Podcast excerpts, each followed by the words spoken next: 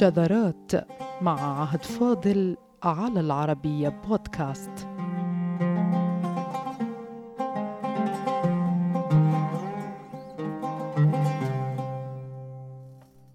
نشر اللغة العربية الفصحى هدف تعمل على تحقيقه مجامع اللغة ومؤسسات الدولة في الحكومات العربية كافة. وبعامة لا يوجد خلاف جوهري بين طرق نشر الفصحى. فقد يقدم مبدأ على مبدأ إلا أن الأساس هو العمل أو التفكير بأفضل الطرق التي تمكن من نشر العربية الفصحى بين أهلها. ولقد مرت مئة سنة على بحث أعده علامة من رؤساء العربية المعاصرين هو اللغوي الكبير عبد القادر المغربي. تطرق فيه إلى سبل نشر الفصحى بين أهلها ولأهمية بحثه وجوه فهو نشره في سنة 1923 أي منذ مئة سنة تماما بين الحربين العالميتين. حيث كان جزء كبير من العالم العربي تحت الاحتلال الاستعماري.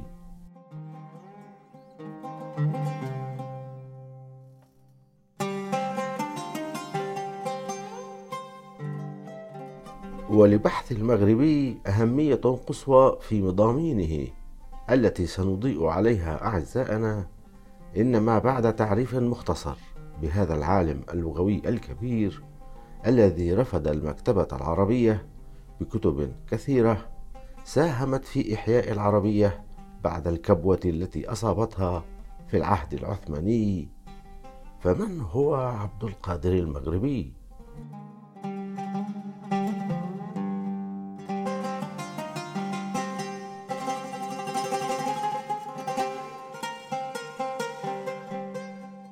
في الأصل هو عبد القادر بن مصطفى وجاء لقب المغربي في اسمه كون أحد أجداده قد هاجر من تونس في المغرب العربي إلى بلاد الشام فولد عبد القادر في مدينة اللاذقية السورية الساحلية على البحر المتوسط في سنة 1867 أما جده عبد الرحمن فقد تولى منصب الإفتاء في اللاذقية والشام.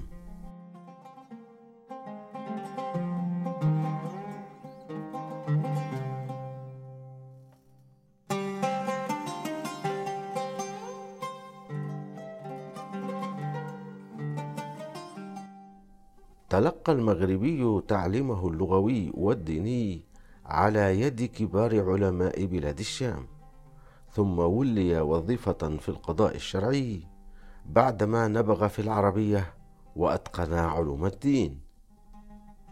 ولما بزغ نجمه سافر إلى تركيا والتقى بجمال الدين الأفغاني وتأثر بأفكاره الإصلاحية أشد التأثر. وألف كتابا عنه على شكل مذكرات ثم التقى بالإصلاحي الكبير الشيخ محمد عبده وكان من معتنقي فكره الإصلاحي فسافر إليه في مصر وجمعتهما لقاءات عديدة. انتهت سريعا بعد الوفاة المفاجئة لمحمد عبده.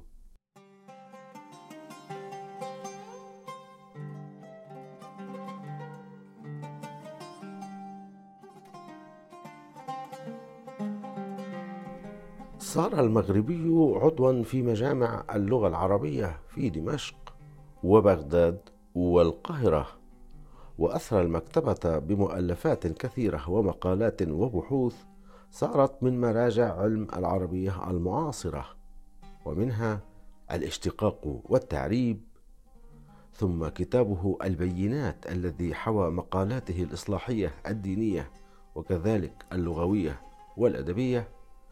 بعدما جاهر بانتقاد ما كان يجري في عهد السلطان التركي عبد الحميد وهجاه بقصيدة فاعتقله وحبسه وبعدما أفرج عنه فر إلى مصر.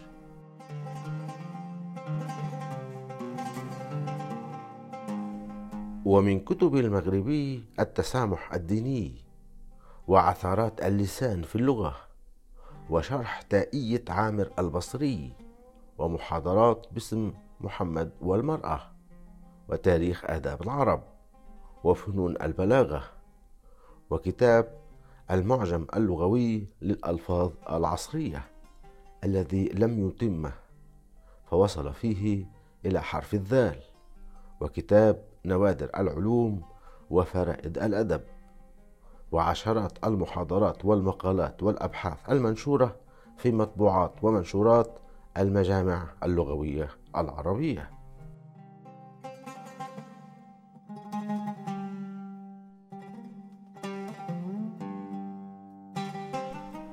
وكان المغربي المتوفى في سنة 1956 كزملائه في ذلك العصر بين الحربين العالميتين يسعى لنشر أكبر للعربية الفصحى انطلاقا من نبوغه في العربية وانتمائه الثقافي والحضاري لآداب وتاريخ الفصحى.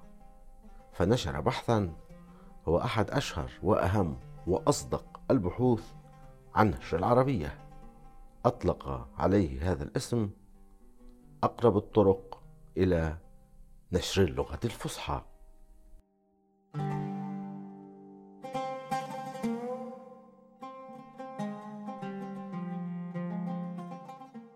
صدر المغربي بحثه بأن وزارة المعارف في ذلك الوقت سألت أهل اللغة العربية عن أقرب الطرق لنشر الفصحى بين الجمهور أي أن بحث المغربي ألف كاستجابة لهذا المسعى الحكومي الرسمي فقال إن المسعى يدور حول مسألتين الأولى نشر الفصحى بتحصيل ملكة الكتابة والإنشاء الفصيح والثانية نشر الفصحى من طريق تحصيل ملكة النطق والمحاورة الفصيحة.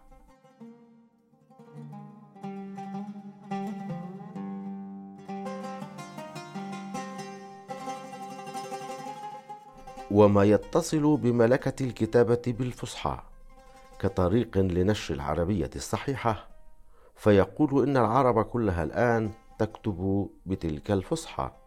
من خلال عبارة فصيحة خالية من العجمة والعامية المبتذلة. أي أن هناك كثرا يجيدون نشر الفصحى بالفصحى الكتابية.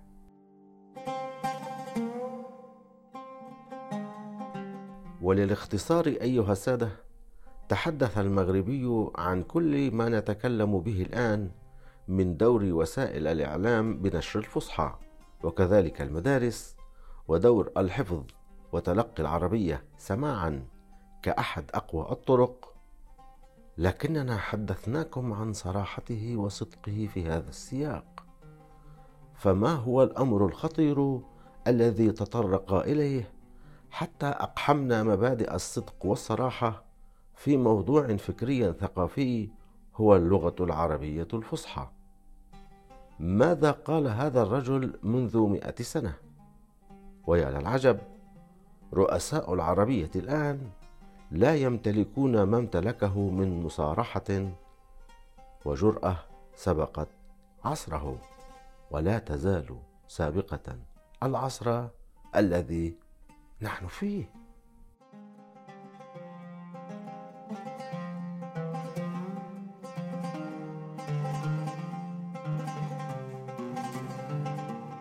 يوجز العلامة المغربي فيقول إن أساس نشر الفصحى هو استعمال الكلمات الفصيحة وترك المبتذل. فيما المبدأ الثاني يقول المغربي هو إلحاق علامات الإعراب في آخر الكلمات وباستعمال الفصيح بديلا للعامي المبتذل يعطي أمثلة باللهجة الشامية فيقول من يقول هلق إجا سعيد تستبدل بجاء سعيد الآن. وعبارة شو بدك منه؟ تستبدل بماذا تريد منه. يقول المغربي إن هذا هو أفضل شيء يمكن تقديمه لنشر الفصحى. أما إلحاق علامات الإعراب بآخر الكلمات فيصدم المغربي الجميع بصدقه وصراحته وجرأته.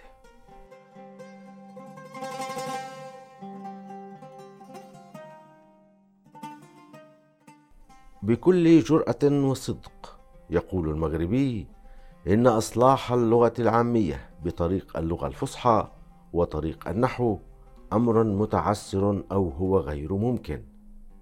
تخيلوا أعزائنا لجرأة هذا الرئيس في العربية ماذا يقول ولماذا هو غير ممكن يقول لأنه مقاومة للطبيعة أو هو محاولة شيء فطرت طباع البشر على ضده أي أن إصلاح العامية من طريق النحو هو ضد طبيعة البشر فكيف عللها؟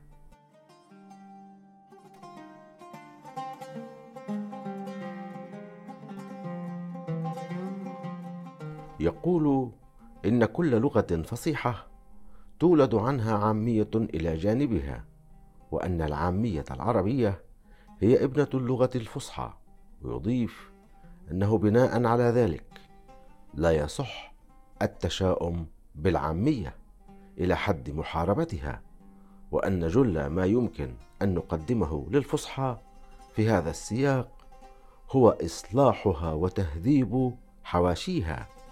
وأن هذا الإصلاح لا يتمثل إلا بالطريقة اللغوية لا الطريقة النحوية.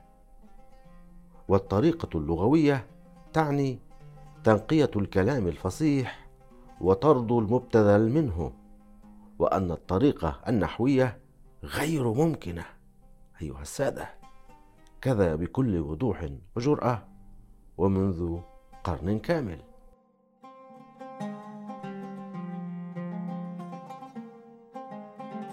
تخيلوا أعزائنا كلام العلامة المغربي والمنشور في مطبوعات مجمع اللغة العربية وهو أعلى جهة منوطة للبت بأصول اللغة وقضاياها والموجه إلى الحكومة الرسمية للبلاد والتي طلبت من رؤساء العربية تقديم تصوراتهم للدفع بنشر الفصحى قدما. يقول إن الطريقة الوحيدة لنشر الفصحى هي لغوية فقط بتنقية العامية من ابتذالها كالآن عوضا من هلق وجاء بدلا من إجا وماذا بدلا من شو؟ وتريد مكان بدك. أما نشر العربية من طريق النحو فهو أمر غير ممكن.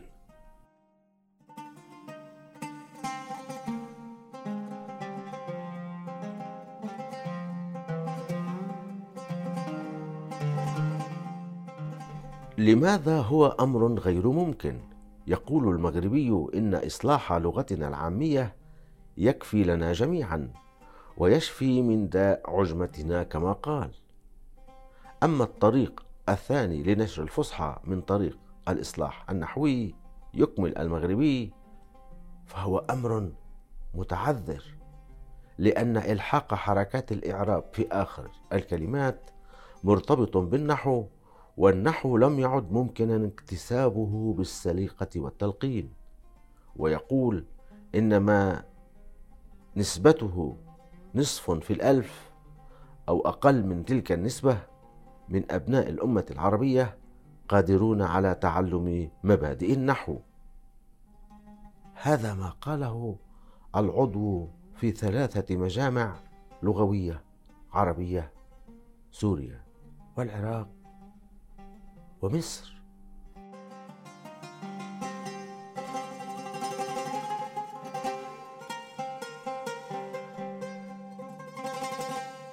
ولم تقف جرأة العلامة اللغوي عند هذا الحد بل قال إن إلحاق علامات الإعراب بآخر الكلمات تفريط في الوقت وتضييع له ويعطي مثالا بأن ما يمكن قوله بالعامية بدقيقة أي بدون حركات الإعراب يحتاج إلى أضعاف هذا الوقت لقوله نحويا بإضافة علامات الإعراب.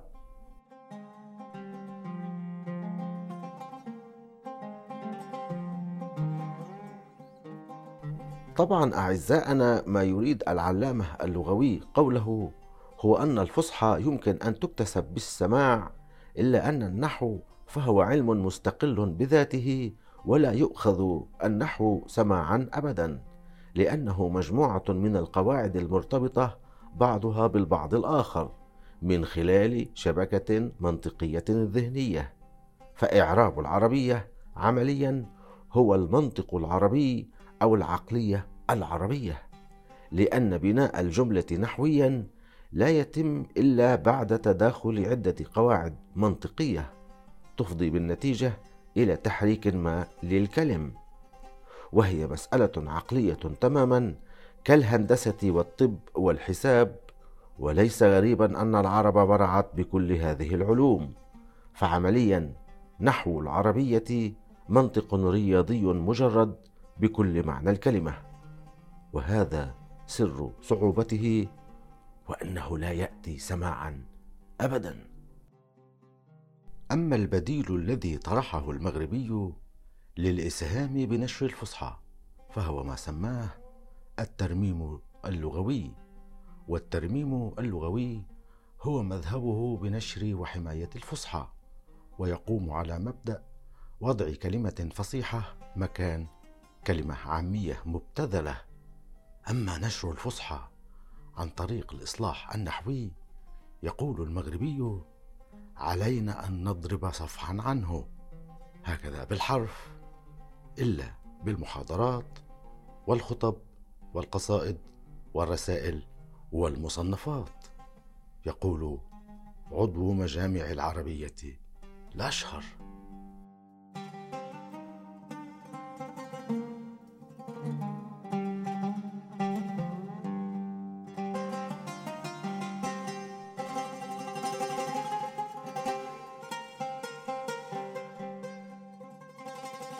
ثم يتوجه المغربي رأسا إلى الحكومة ببحثه فيقول إن خلاصة ما نقوله للحكومة عن أقرب الطرق لنشر الفصحى هو الطلب إلى أساتذة المدارس بإصلاح كلام التلامذة على الطريقة اللغوية للاكتفاء بإزالة الكلمات العامية المبتذلة ووضع كلمات فصيحة مكانها ويكمل فإذا قال التلميذ بدي نبهوه إلى أريد.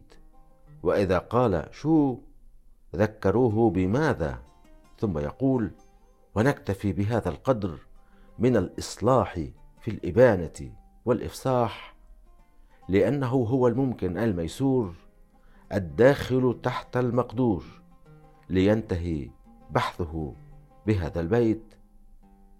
إذا لم تستطع شيئا فدعه وجاوره إلى ما تستطيع.